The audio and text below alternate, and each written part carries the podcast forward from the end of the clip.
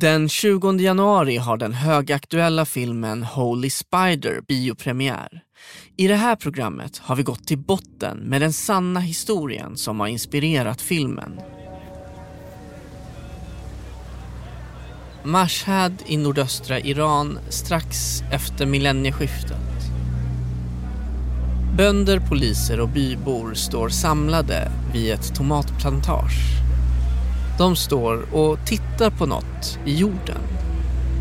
Solen lyser starkt för det är augusti i norra Iran och hettan är olidlig.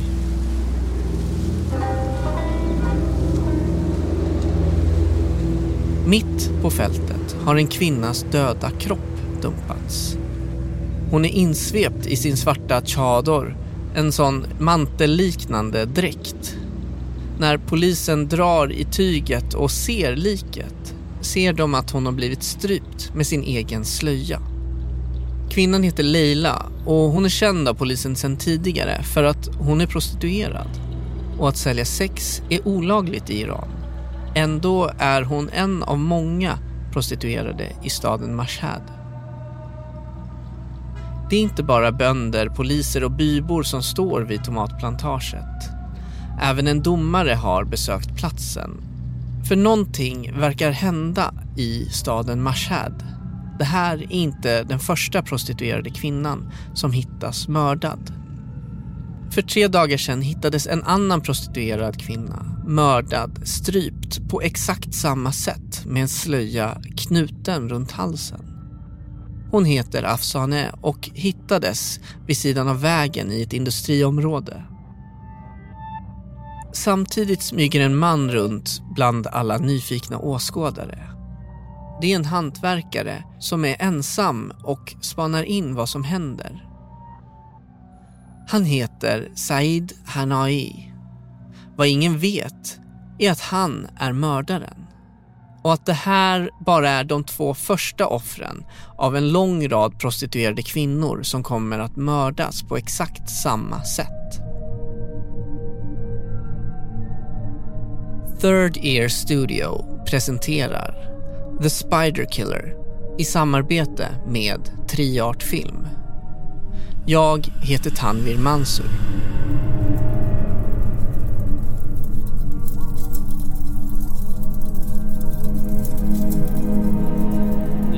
Känner ni till The Spider Killer? Trots att det har gått över 20 år sedan prostituerade kvinnor mördades i Mashhad i Iran så lever namnet Said Hanai kvar i människors medvetande. Även här i Sverige. Det var någon person som skojade med en kvinna. Han sa, ah, eh, var inte rädd, jag är inte typ Said Hanai. Hon blev så rädd och hon slog eh, huvudet mot honom. Ah, det blev lite så här. Jag var inte i Iran den tiden men mina släktingar, mina vänner och eh, berättade till mig att han mördade 16 eh, kvinnor. Said Hanai kommer att få ett smeknamn, The Spider Killer. Totalt 16 kvinnor kommer mördas, strypas. Alla kommer vara prostituerade. Jag minns, jag var faktiskt barn den här tiden jag bodde i Iran. Och jag minns att mina föräldrar berättade, pratade om eh, den här så mycket för de visade typ i TV också. Den här tiden var jättekänd. Alla visste att det är någon i Mashhad som eh, tar kvinnor och sen dödar dem. En del tyckte att han gjorde rätt i att mörda kvinnorna av religiösa skäl. Men för många kritiker var morden en följd av förtrycket från den iranska staten. En mördare ska kämpa, men han var stålover eftersom regeringen var bakom honom och sharia-lagar var bakom honom. En sjuk människa som väljer sina offer mellan svaga. Och för mig som barn var det läskigt.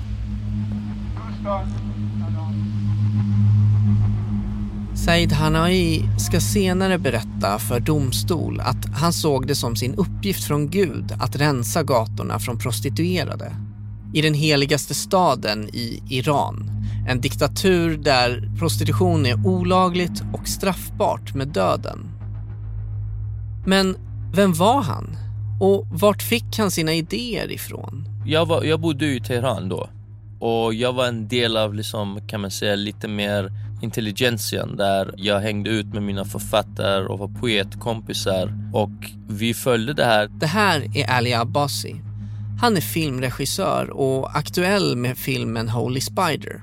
Den är inspirerad av historien om Said Hanai och morden i Mashhad. Det här var ju inte liksom den första eller sista seriemördare. Det var en konstig period där han var ju en del av en, nästan en våg av seriemördare i Iran.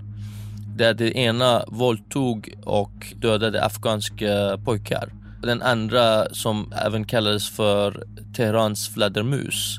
Han eh, plockade upp kvinnor på gatan eh, som taxi, alltså så låtsades som han var taxi, någon som privat taxi och så våldtog och dödade dem. Så, så när det hände, det var liksom sånt som om det var ett mönster nästan. Bara för att säga att det kom inte ur vakuum liksom. En våg av seriemord har alltså gjort många människor i Iran nervösa, oroliga. Så när två prostituerade kvinnor på kort tid hittas mördade med en slöja runt halsen så är det inte långt ifrån att tänka att Iran drabbats av ytterligare en seriemördare. Staden Mashhad ligger i nordöstra Iran där bergen sträcker sig över provinsen Khorasan. Mashhad är shia-islams heligaste stad och dessutom den andra största staden i landet, tio timmar bort från huvudstaden Teheran. Det är liksom, liksom kronjuvelen av eh, Islamiska republiken. Det är där de ska visa hur ett, en eh, mönsterstad ska se ut. Och det är meningen att gatorna ska vara rena och allt ska vara fint och det ska vara vackert. I staden finns det ett stort moskékomplex. Inuti finns ett mausoleum där den åttonde imamen, Imam Reza, ligger begraven. Högst upp blänker en gyllene kupol och den är omringad av åtta minareter. Flera av minareterna är också gjorda av guld. Den största moskén i världen faktiskt. Och det här är en, en väldigt viktig pilgrimsfärd, resemål för många shia-muslimer. Men den religiösa biten och berättelsen om det heliga pilgrimsmålet är bara en del av stadsbilden. Den andra delen av historien som Islamiska republik vill inte ska bli sedd, det är att Mashhad också, som vilken annan storstad, en rätt kriminellt ställe. Det är en del mord, det är mycket liksom droger, eh, det ligger väldigt strategiskt nära eh, gränsen till Afghanistan.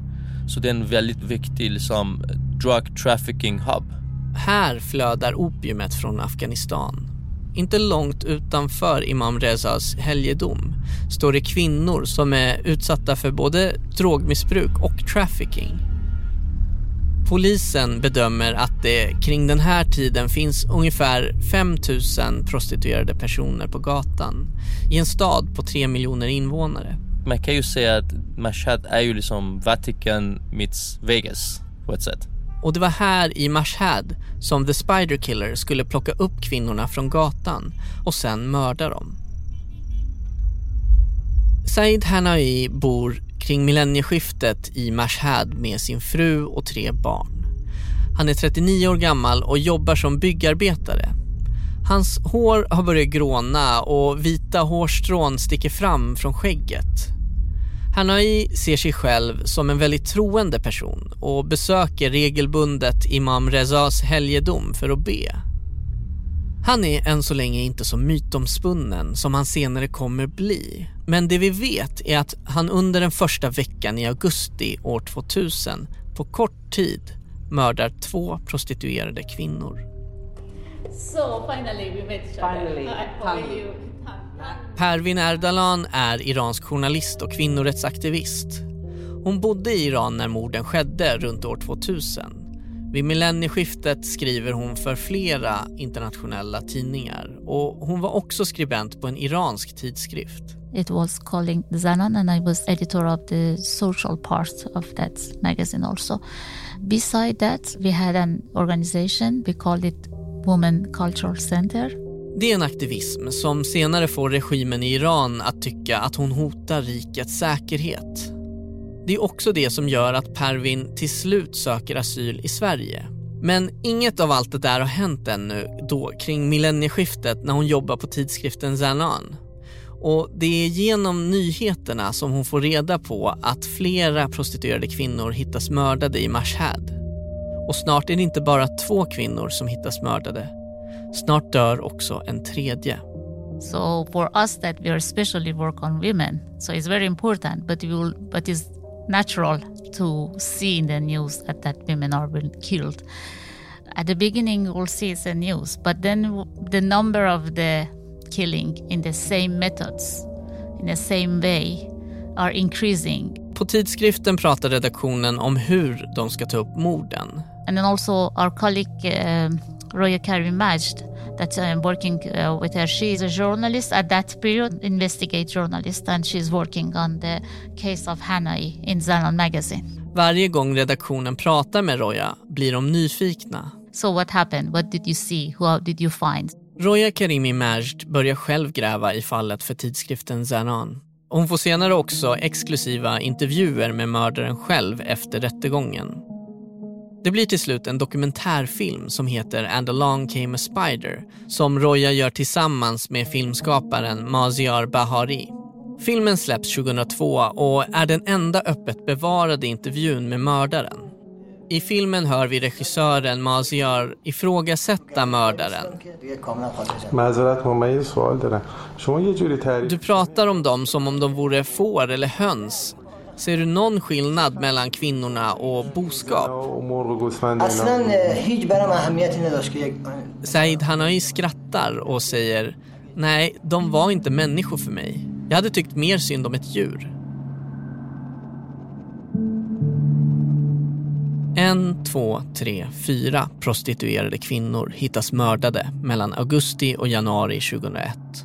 De heter Afsane, Leila, Fariba och Masume. Nu är det ingen tvekan om att det är en ny seriemördare som skakar Iran utan att någon har lyckats stoppa honom. Den 15 februari 2001 har Said Hanoi bestämt sig för att mörda sitt femte offer. Det enda som lyser upp i mörkret den här februarikvällen är gatulyktorna och billjusen. He rides his motorcycle to the street that most of the sex workers are standing. Said Hanai har varit här många gånger. I dokumentärfilmen kommer han senare berätta precis hur han genomför morden. Han bevakar hur de här prostituerade kvinnorna rör sig. Han säger att han identifierar fler än 80 kvinnor och var de brukar hänga. Den här kvällen, den 15 februari, gömmer han sig och väntar tills han ser någon som han tror är prostituerad. Han lockade ju de där kvinnorna på gatan som kund. Han låtsas att han är kund. Plockade dem upp på gatan. And he chooses one and goes toward her. Hans femte offer är den 27-åriga Sara. Hon har på sig en svart chador över kroppen och huvudet med en grön skjorta under. På ansiktet bär hon mörk ögonskugga och rött läppstift. Hon tittar skeptiskt på honom. Han ser inte ut som en rik person. and ask her, so you can jump to my motorcycle. And she asked that, do you have money? And uh, he says yes and shows the money to her. I dokumentären berättar Hanoi om hur konversationen går mellan honom och flera av de prostituerade kvinnorna.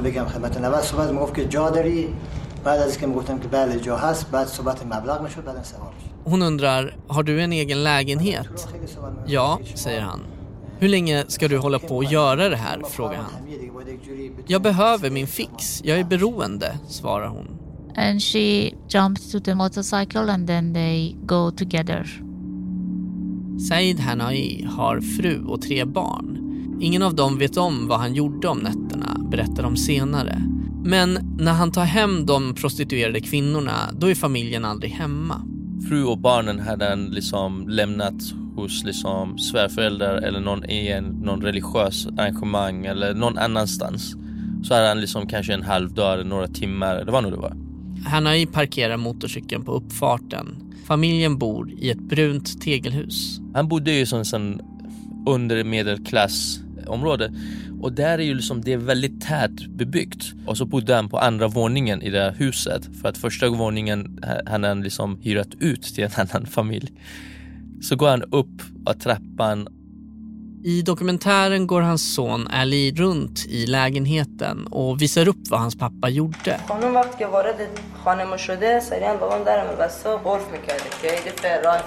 Han säger, när kvinnan kom in i vårt hus brukar min pappa snabbt låsa dörren. Han tog undan nyckeln och gav henne pengarna.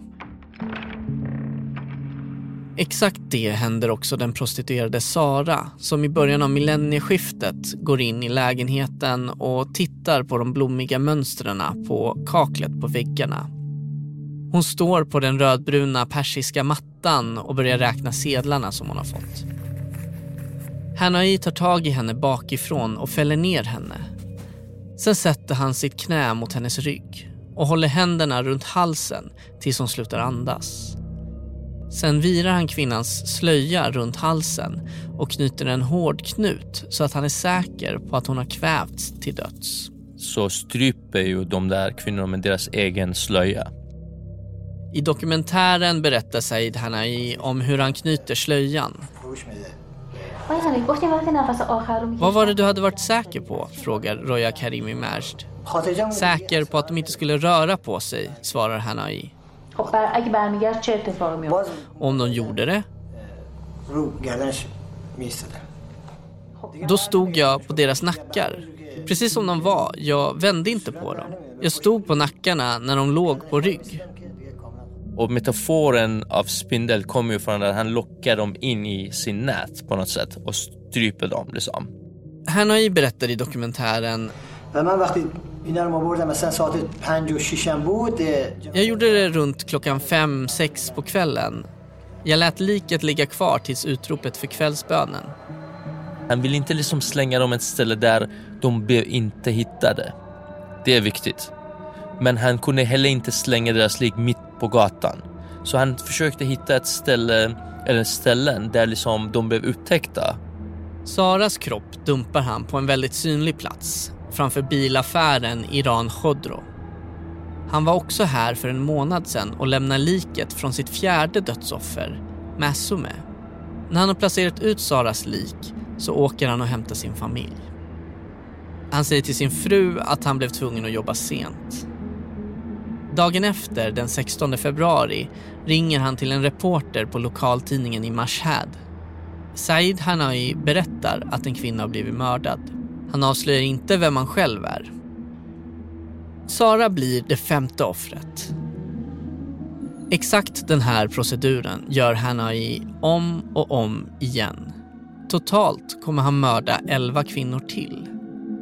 Var i världen kan man döda 16 människor nästan på identiskt sätt, nästan identiskt ställe, plocka dem på samma ställen, slänga deras kropp samma ställe och om på allt det här ringa till media och informera om det här och inte bli arresterad.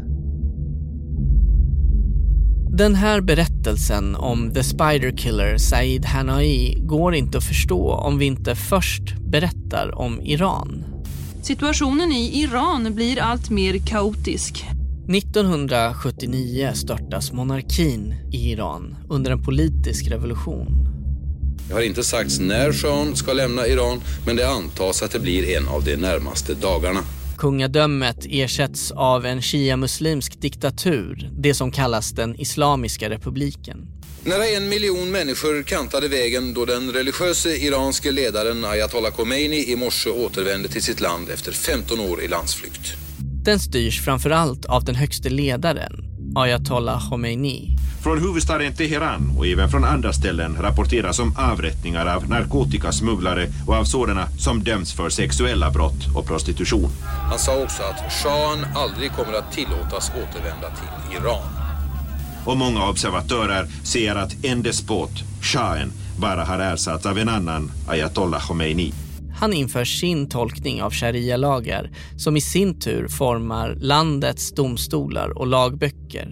Makten i landet går alltså inte separera från religionen och så ser det fortfarande ut idag. Hej Hej, hör du mig? Och jag hör dig. I ett rum på Stockholms universitet sitter Fataneh Farahani. Hon är professor i etnologi och forskar på sexualpolitiken i Iran med fokus på tiden efter revolutionen. Den versionen eller den läsningen av islam eh, som iranska regimen använder sig av är att de för det första de ser kvinnors sexualitet som väldigt aktiv i motsats till kristendom som till exempel har celibasi, eh, att människor kanske bevisar sin tro genom att eh, ta avstånd från sexuella, sexuella begär. I den islamiska synen på sexualitet är det precis tvärtom. Som en troende måste man praktisera sin sexualitet. Men den här praktiseringen är att den alltid måste regleras. Att den sexualitet som händer inom familjeramen betraktas som en acceptabel sexualitet medan allt som händer utanför är icke acceptabelt.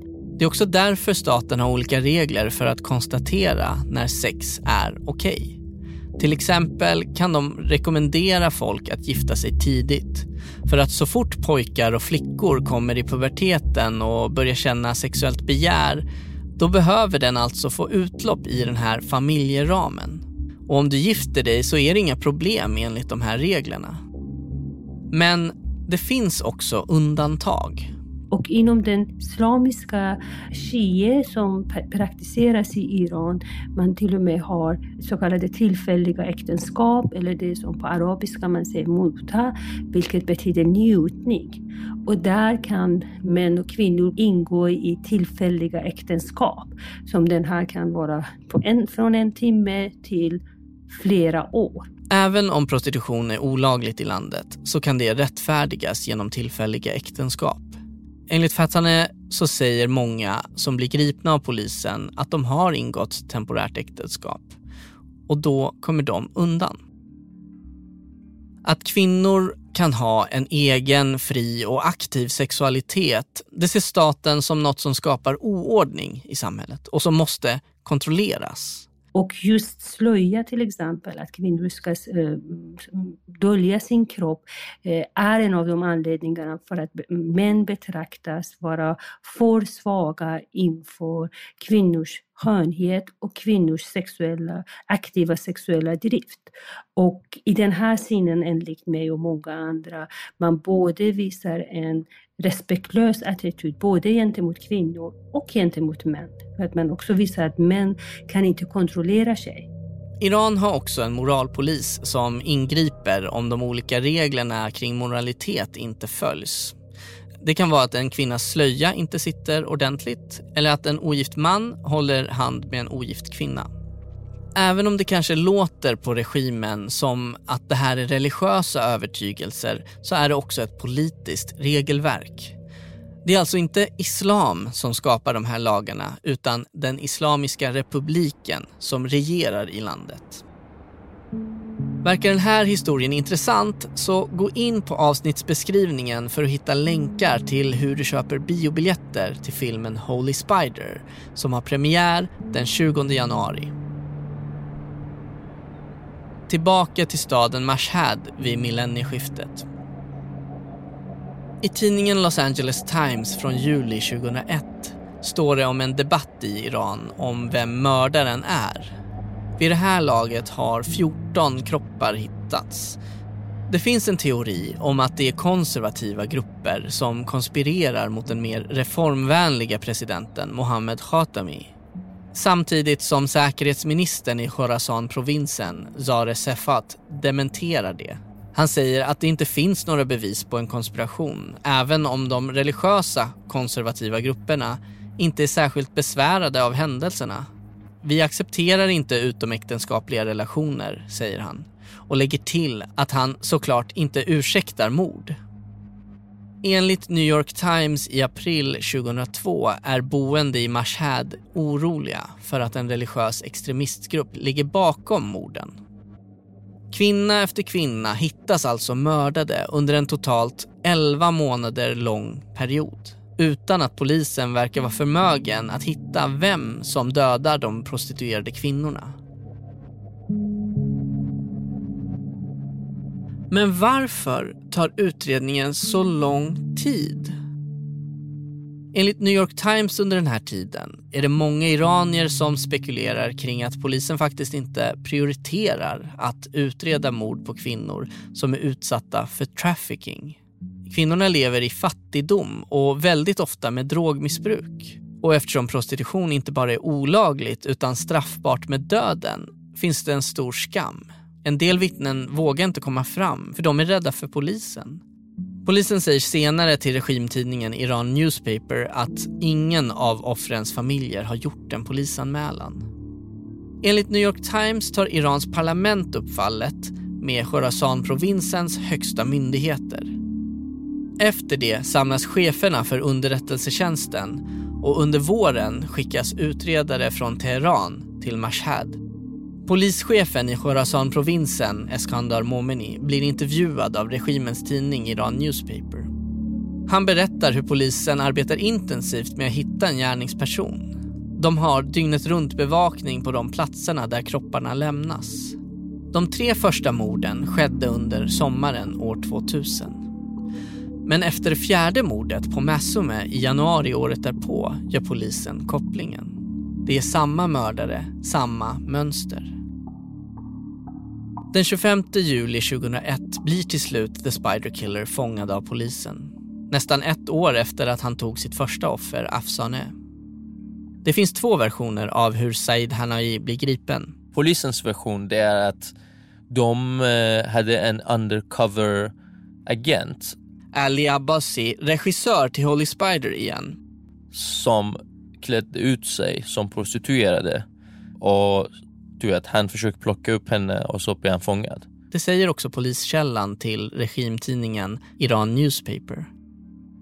Polisen berättar att de anlitar 150 prostituerade kvinnor som blir instruerade och övervakade.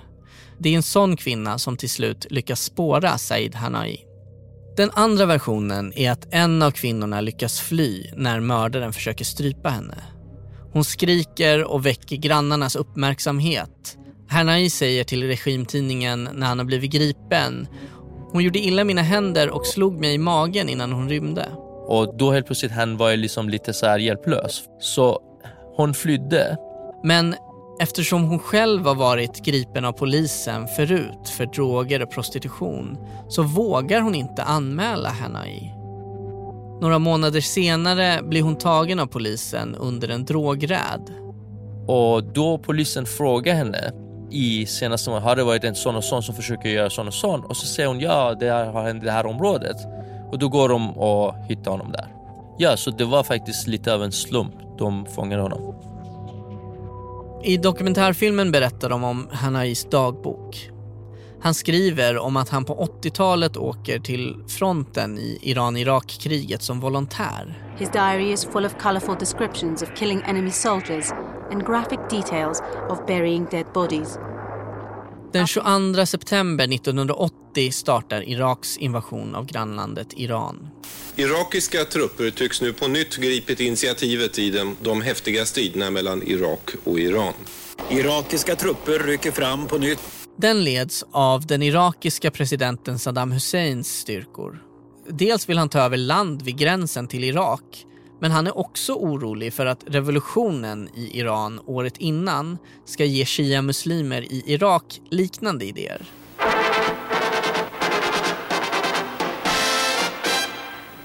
Kriget mellan Irak och Iran trappas upp. Idag gick Iraks flygvapen till attack mot flygplatser i Iran. Invasionen gör att det skapas en starkare känsla av nationell gemenskap i Iran med Irak som gemensam fiende. Det är många volontärer på den persiska sidan som ansluter sig för att kriga mot Irak. Ikväll reser en FN-kommission eh, på ett veckolångt besök till Iran och Irak för att förbereda ett eldupphör i det åtta år långa kriget mellan de båda länderna. I juli 1988 beslutar sig länderna för vapenvila medlat av FN. Det avslutar den åtta år långa konflikten. Ayatollah Khomeini, Irans högste andlige och världslige ledare, han sa idag i ett radiobudskap till sitt folk att han med yttersta motvilja hade gått med på ett vapenstillstånd i kriget med Iran. Det är en av världens mest förödande krig under slutet av 1900-talet. En miljon människor dör i konflikten och hundratusentals är skadade för livet.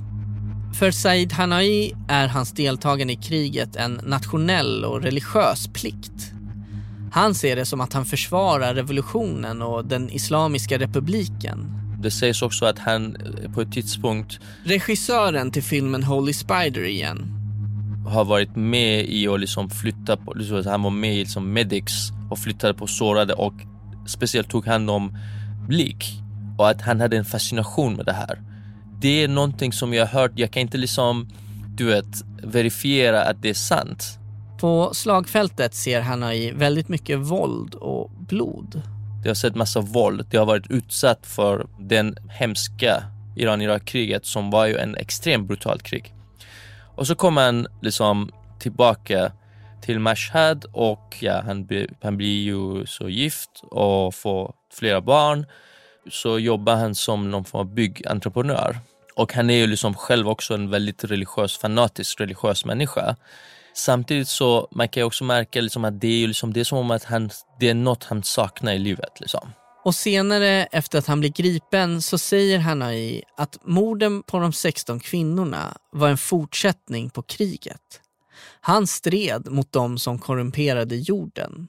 He, is, he believes that he is going to clean the city. Vi hör Pervin Erdalan igen. Of the women that made them dirty and uh, more, he, he just thinking that he's going to kill an animal.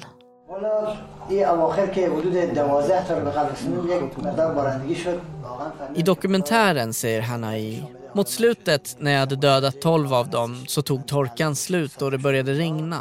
Jag insåg att Gud såg fördelaktigt ner på mig. Att han hade noterat mitt arbete. Det var hämnd. Det fanns inget slut. Said Hanai såg det som sitt kall från Gud att rensa gatorna på det som han kallade moralisk korruption. Han säger, jag var beroende. Jag intalade mig själv, sluta innan de tar fast dig. En gång tänkte jag på min fru och mina barn. Dessutom åkte jag förbi fängelset på min motorcykel en gång i veckan. Då frågade jag mig själv, när kommer jag bli gripen?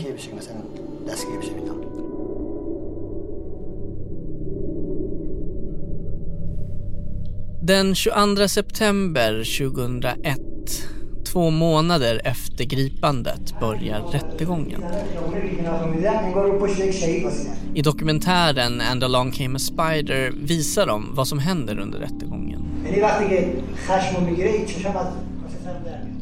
I rättssalen sitter domaren Hojatul Islam Mansouri med en stor gammal lagbok framför sig. Han har en vit turban och det tjocka skägget är vältrimmat. I publiken sitter journalister och offrens familjemedlemmar. Guardian är med, Reuters är med, CNN, alltså det är liksom många liksom internationella nyhetsbyråer var med på, på hans rättegång. Regissören till Holy Spider, Ali Abbasi, följer rättegången på nyheterna. Han börjar liksom så här försvara sig själv och han, var så här, han har inte gjort något fel. I samband med rättegången blir det alltså offentligt hur Hanais resonemang går. Att han rensar upp prostituerade kvinnor som jobbar illegalt från Irans heliga stad. Och det var där jag och mina kompisar började tänka så här, alltså han kan ju inte bli dömd. Det gör att han också får stöd i samhället av fundamentalistiska grupperingar. Till min stora chock, liksom, inte bara kanske mig men många andra av mina vänner också, så var det en grupp i samhället, en minoritet skulle jag säga, men ändå, och media och etablissemanget som, som började stödja honom och kallar honom för hjälte och att han har gjort sin liksom, religiös plikt och så vidare. För regissören Ali skiljer det här sig från andra mord. I många andra fall kan sån här kriminalitet ses som motbjudande eller perverst. Men till slut blir brottslingen fångad och då tar berättelsen slut där. Men nu uppstår en situation där den religiösa staten ska åtala en person som säger sig ha mördat kvinnor på grund av sin religion. Här började en ny historia. Det är liksom, kommer han så bli straffad överhuvudtaget? Eller kommer han få en medalj? Etnologen Fataneh Farahani förklarar att i Iran finns det en moralisk dygd som kommer från Koranen. Att påbjuda det goda och att förbjuda det onda. Amr be maruf nahi munker, vilket betyder att upprätthålla det goda och förbjuda det onda. Och, och det här betraktas som alla muslimers eh, ansvar.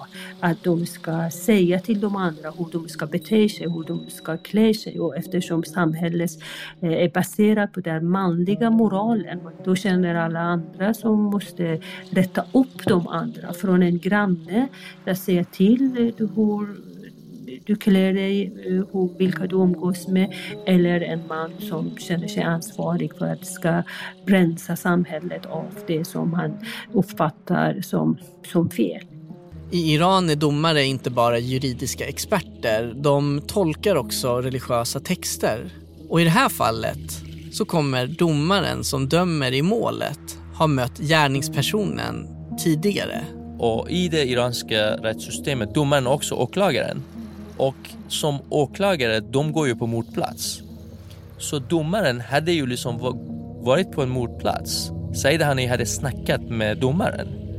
Och när det så han blev fångad och kom i rätten så säger domaren, jag kan känna igen dig. Har jag inte sett dig för? Och så säger Said jo, för att det, det var på det där tomatjordbruket, då kom jag och sa, vi snackade faktiskt med varandra. Said Hanai har alltså ställt sig bland de nyfikna som stirrar på Leilas kropp.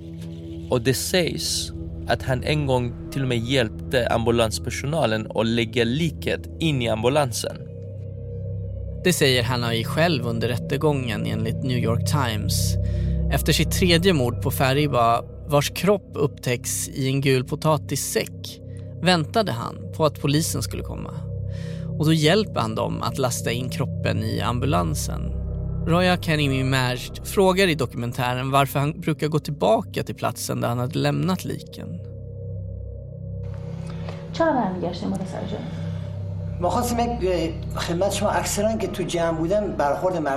Said Hanai svarar, jag ville se vad andra människors reaktioner skulle vara. Vissa hyllade mig, till och med tjänstemännen. De sa, män som dödar de här kvinnorna gör ett fantastiskt jobb. De förtjänar det. Det uppmuntrade mig. Under rättegången pekar Said Hanai på en specifik text i sharia-lagen. Det berättar Pervin Ardalan. We have an article in the law that it's called Det är ett It's a name that they call it in Farsi det skulle kunna översättas till slöseri på blod eller blod utan värde. Vissa synder kan ge dödsstraff och människor som är prostituerade är enligt den här lagen just den typen av syndare som är slöseri på blod, mahtur och dam. If you find somebody that it can be, so then you can kill, kill him or kill her. Så försvarar Said Hanai sina mord att varje kvinna som han tänkte mörda var slöseri på blod. Att det därför var hans religiösa plikt att rensa samhället på korrupta element. Och han tyckte att han var liksom, han har gjort samhället en tjänst genom att liksom rensat gatorna liksom. Men den religiösa texten i sharia-lagen är otydlig och domaren menar att det är upp till religiösa lärda att tolka vem som skulle vara slöseri på blod. Domaren Hojatul Islam Mansouri säger i dokumentären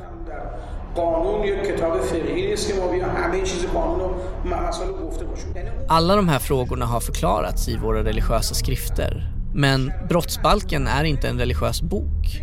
Du måste veta vad som är slöseri på blod innan du agerar. Du måste försäkra dig om att den här personen förtjänar att dö. De får inte mördas av misstag.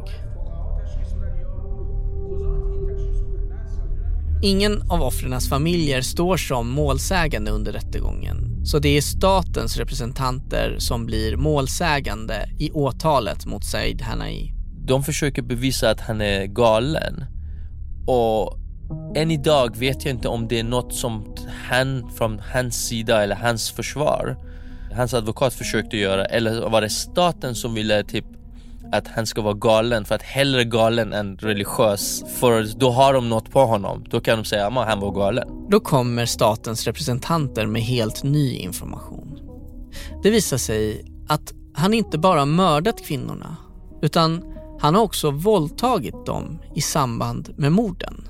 Helt plötsligt mitt i det här så kommer liksom rättsmedicinsk rapport om att han har ju våldtagit de där kvinnorna ändå. Och det hade aldrig varit tal om det. Alltså i den gången där man hörde om morden. Det var aldrig tal om att de där kvinnorna blev våldtagna. Pervin Ardalan menar att det faktum att den iranska staten säger att Said Hanai våldtagit kvinnorna först skapade en ny bild i allmänheten av Said Hanai eftersom han då inte bara rensat gatorna från prostituerade utan också njutit av dem. So it's not just only for God, it's just only for his pleasure also. And uh, he's not a cleaner, he's a person that using them, beating women, killing them, but enjoying of killing. Vissa menar att det här är polisens sätt att grumla bilden av Hanais tro genom att göra honom till en person som både våldtar och mördar. Men i den Islamiska republiken kommer det ofta fram att poliser och soldater, trots att de är religiösa, också har våldtagit kvinnor. Det är ingenting som har förhindrat någon Vi hör Fatane Farahani igen. så kallad religiös man att eh, våldta sig eh, mot andra kvinnor. Så att, att de använde eh, att han, om han var verkligen troende, han skulle inte röra främmande kvinnor. Det är en bortförklaring, tycker jag. Samtidigt är Said Hanais familj övertygade om att han inte har gjort något fel. Hanais son Ali säger i dokumentären att han ser sin pappa som en krigshjälte eller martyr.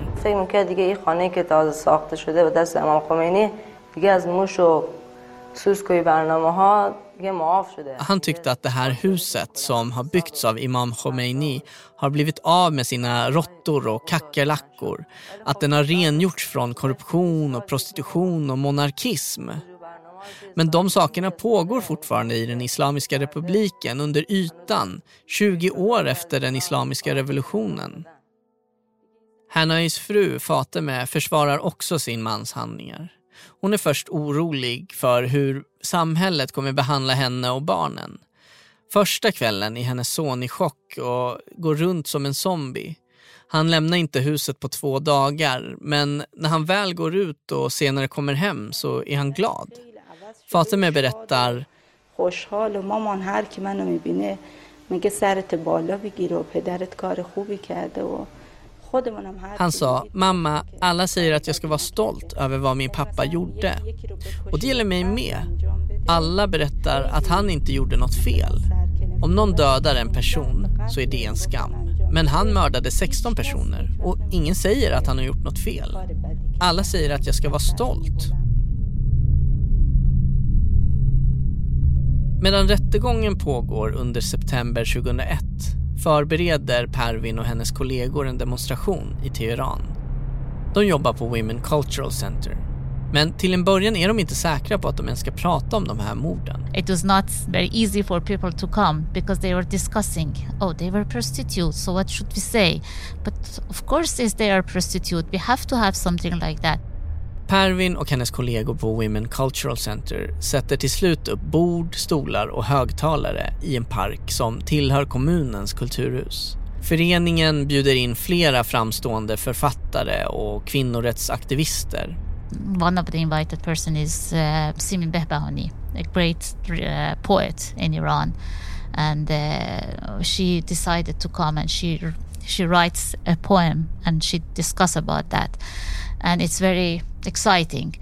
Pervin håller också tal. Hon jämför rapporteringen om The Spider Killer med nyheter i Texas där en restaurangägare hade skjutit 18 kvinnor på en restaurang. Hon förklarar att kvinnomord, det som kallas femicid, sker på fler platser i världen. Men det är bara i Iran som samhället hyllar mördaren. And we were mentioning that that femicide is is became a norm in this society. Trots att många människor kommer till parken så ses det inte riktigt med glädje från kommunen. De märker att talarna kritiserar staten och förtrycket mot kvinnor. But at the same time, the responsible of the cultural area, they were angry and then they collect and uh, seized all of the camera, film, recording and everything of us because they said that it's forbidden. Kommunens personal beslagtar kamerautrustningen och videobanden. And when they see people and then they see that we are shouting against and then we are writing a statement about that our uh, not satisfaction about killing uh, prostitute women. Samtidigt som Said Hanoi väntar på sin dom vill inte myndigheterna höra att deras kvinnoförtryck hänger ihop med morden i Mashhad. Och än idag har Pervin inte fått tillbaka materialet från demonstrationen den dagen. Den 23 oktober 2001 presenterar domaren Hojatul Islam Mansouri sitt domslut. Han tycker inte att morden kan rättfärdigas av religiös plikt. Said Hanai blir fälld för mord av första graden. Hanai blir dömd till döden. I april 2002 ska han hängas. Dagen innan avrättningen pratar han med journalister. Han är fortfarande övertygad om att han har gjort rätt som tog livet av de 16 kvinnorna. Han säger i dokumentären när jag greps trodde jag att de skulle avrätta mig på en gång. Jag bryr mig inte. Jag läste inte ens domen. Vi pratar inte om ett eller två fall där jag kan plädera eller något. De kan göra vad de vill. Men jag vill att ni ska fokusera på mina idéer. Diskutera dem på universiteten. Titta på skälen bakom mina handlingar. Till exempel om de vill hänga mig framför allmänheten. Jag är bara en person. Det är som en damm fylld av fiskar du kan lägga till eller ta bort en fisk. Huvudsaken är att vattnet inte ska bli förgiftat.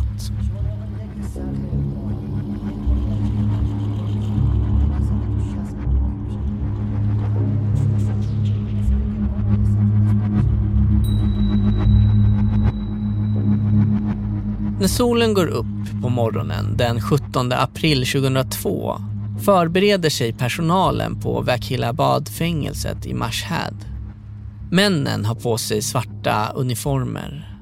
De spänner fast repet mellan en krok på väggen och en träbalk i taket. Vanligtvis brukar avrättningar vara offentliga så att offrens familjer och allmänheten kan titta på. Men också som en slags varning. Och, och det tycker jag liksom på något sätt är ju liksom det mest perversa en stat kan göra. Att hänga folk eh, i, i offentliga platser.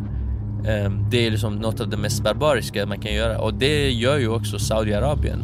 Regissören Ali tycker inte att dödsstraff är okej. Okay. Jag känner också så här att det som det är verkligen, jag tycker liksom jag skäms som iranier. Det för mig, våld är ju liksom våld. Spelar ingen roll om det är en statlig legitimerad våld eller inte legitimerad. Alltså du kan inte liksom, det är inte så att du kan ha tillstånd till att hänga. Men den här avrättningen gör de inuti fängelset istället. De filmar det också, så en del av hängningen är med i dokumentären And along came a spider. Det är knäpptyst i filmen.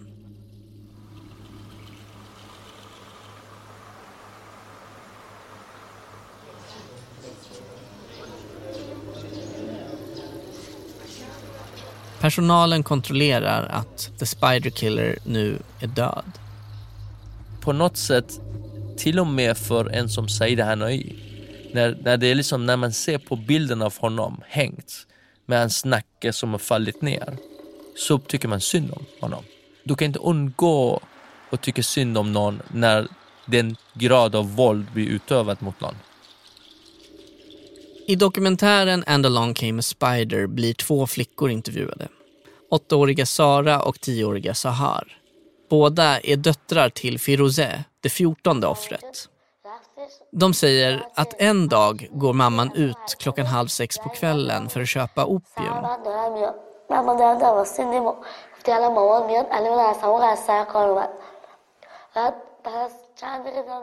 Sahar berättar, sen ringde hon och sa att hon var på väg hem. Min bror kom tillbaka från jobbet. Vi väntade alla på henne men hon kom aldrig hem. Vi väntade till klockan nio och då var hon fortfarande inte hemma. Barnen väntar på att Firoze ska återvända i fem dagar. De frågar grannarna, de går till begravningsplatser för att se om kroppen har dykt upp där. Sahars storebror och moster går till bårhuset i Mashhad. Och där hittar de till slut Firozes kropp. Så de tvättar kroppen och begraver henne.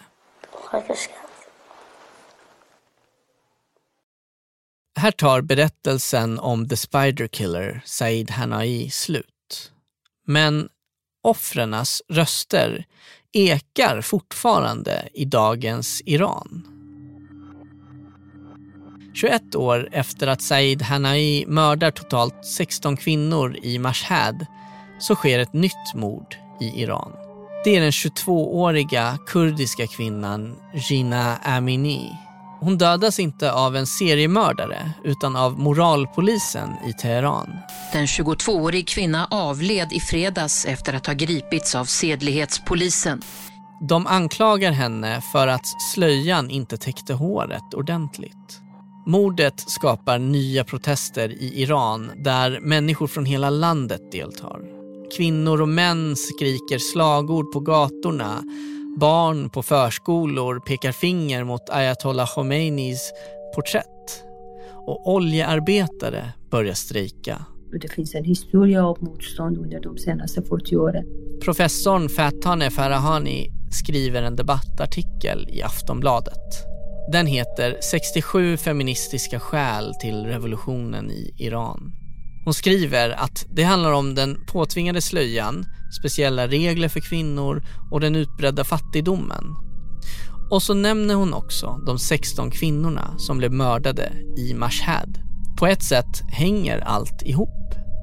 Statens alla regler för befolkningen och särskilt för kvinnor har bäddat för att seriemördare som Said Hanai ska dyka upp. För mig som person som har jobbat med den postrevolutionära sexualpolitiken, det som eh, Hanoi gjorde och sättet att eh, regimen hanterade den frågan, vad som händer nu, det är kopplade frågor. Hur man ger sig rätt att bestämma över kvinnornas liv, över människors mest intima liv, människors klädsel. Många kvinnor har organiserat sig mot de här orättvisorna ända sedan revolutionen 1979. En av de aktiva feministerna är journalisten Pervin Erdalan som fortsätter kämpa mot kvinnovåld. Now, after these things that happened with Gina, Eh, and other groups of these campaigners started, networks started to in the world are working together that we call them feminists for Gina. Samtidigt svarar regimen i Iran med brutalt våld mot protesterna. Från Iran kommer uppgifter om att säkerhetsstyrkor har skjutit rakt in i en folksamling i staden Sarkes. Har säkerhetsstyrkor omringat universitetet Sharif i Teheran och tårgas ska ha satts in mot protesterande studenter. De fängslar tusentals demonstranter och många av dem mister livet.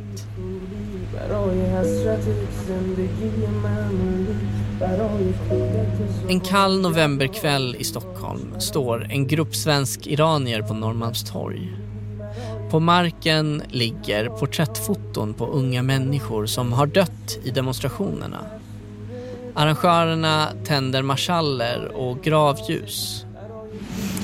Ja, vi är här idag faktiskt för att uh, vi har en minnesstund för alla som dör i Iran just nu på grund av eh, demonstration, på grund av allt som händer i Iran med regimen.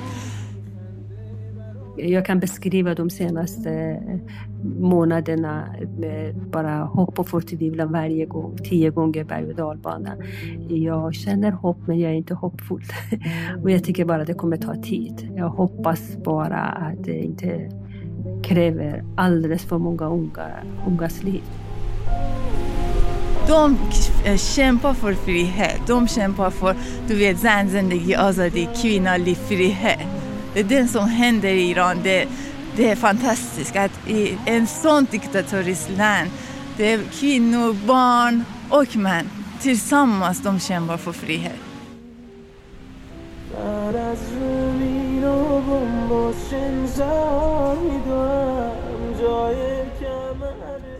Ali Abbasi, regissören till filmen Holy Spider, ser hur saker förändras i landet. Samma människor som då tyckte att det var bra att Said har rensat gatorna. Jag tror att samma människors barn, de barnen är ute nu och demonstrerar på gatan. Och det tycker jag är liksom verkligen framsteg. Mm. För att då, då har det verkligen hänt något i förhållande till hur man ser på saker, hur man ser på kvinnorna, hur man ser på liksom vad som är fel. De som demonstrerar över hela Iran är övertygade. Diktaturregimen representerar inte folket. Det är den, de människorna som är på gatan som är liksom Irans sanna ansikte.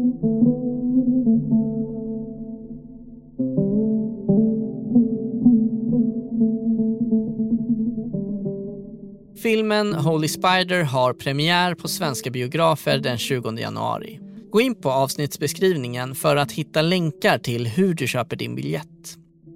Du har lyssnat på The Spider Killer i Uppgång och fall. Det här är en produktion av Third Year Studio i samarbete med Triart Film. Jag heter Tanvir Mansur och exekutiv producent är Martin Jonsson. Ljudmix av Anne Skog Obel.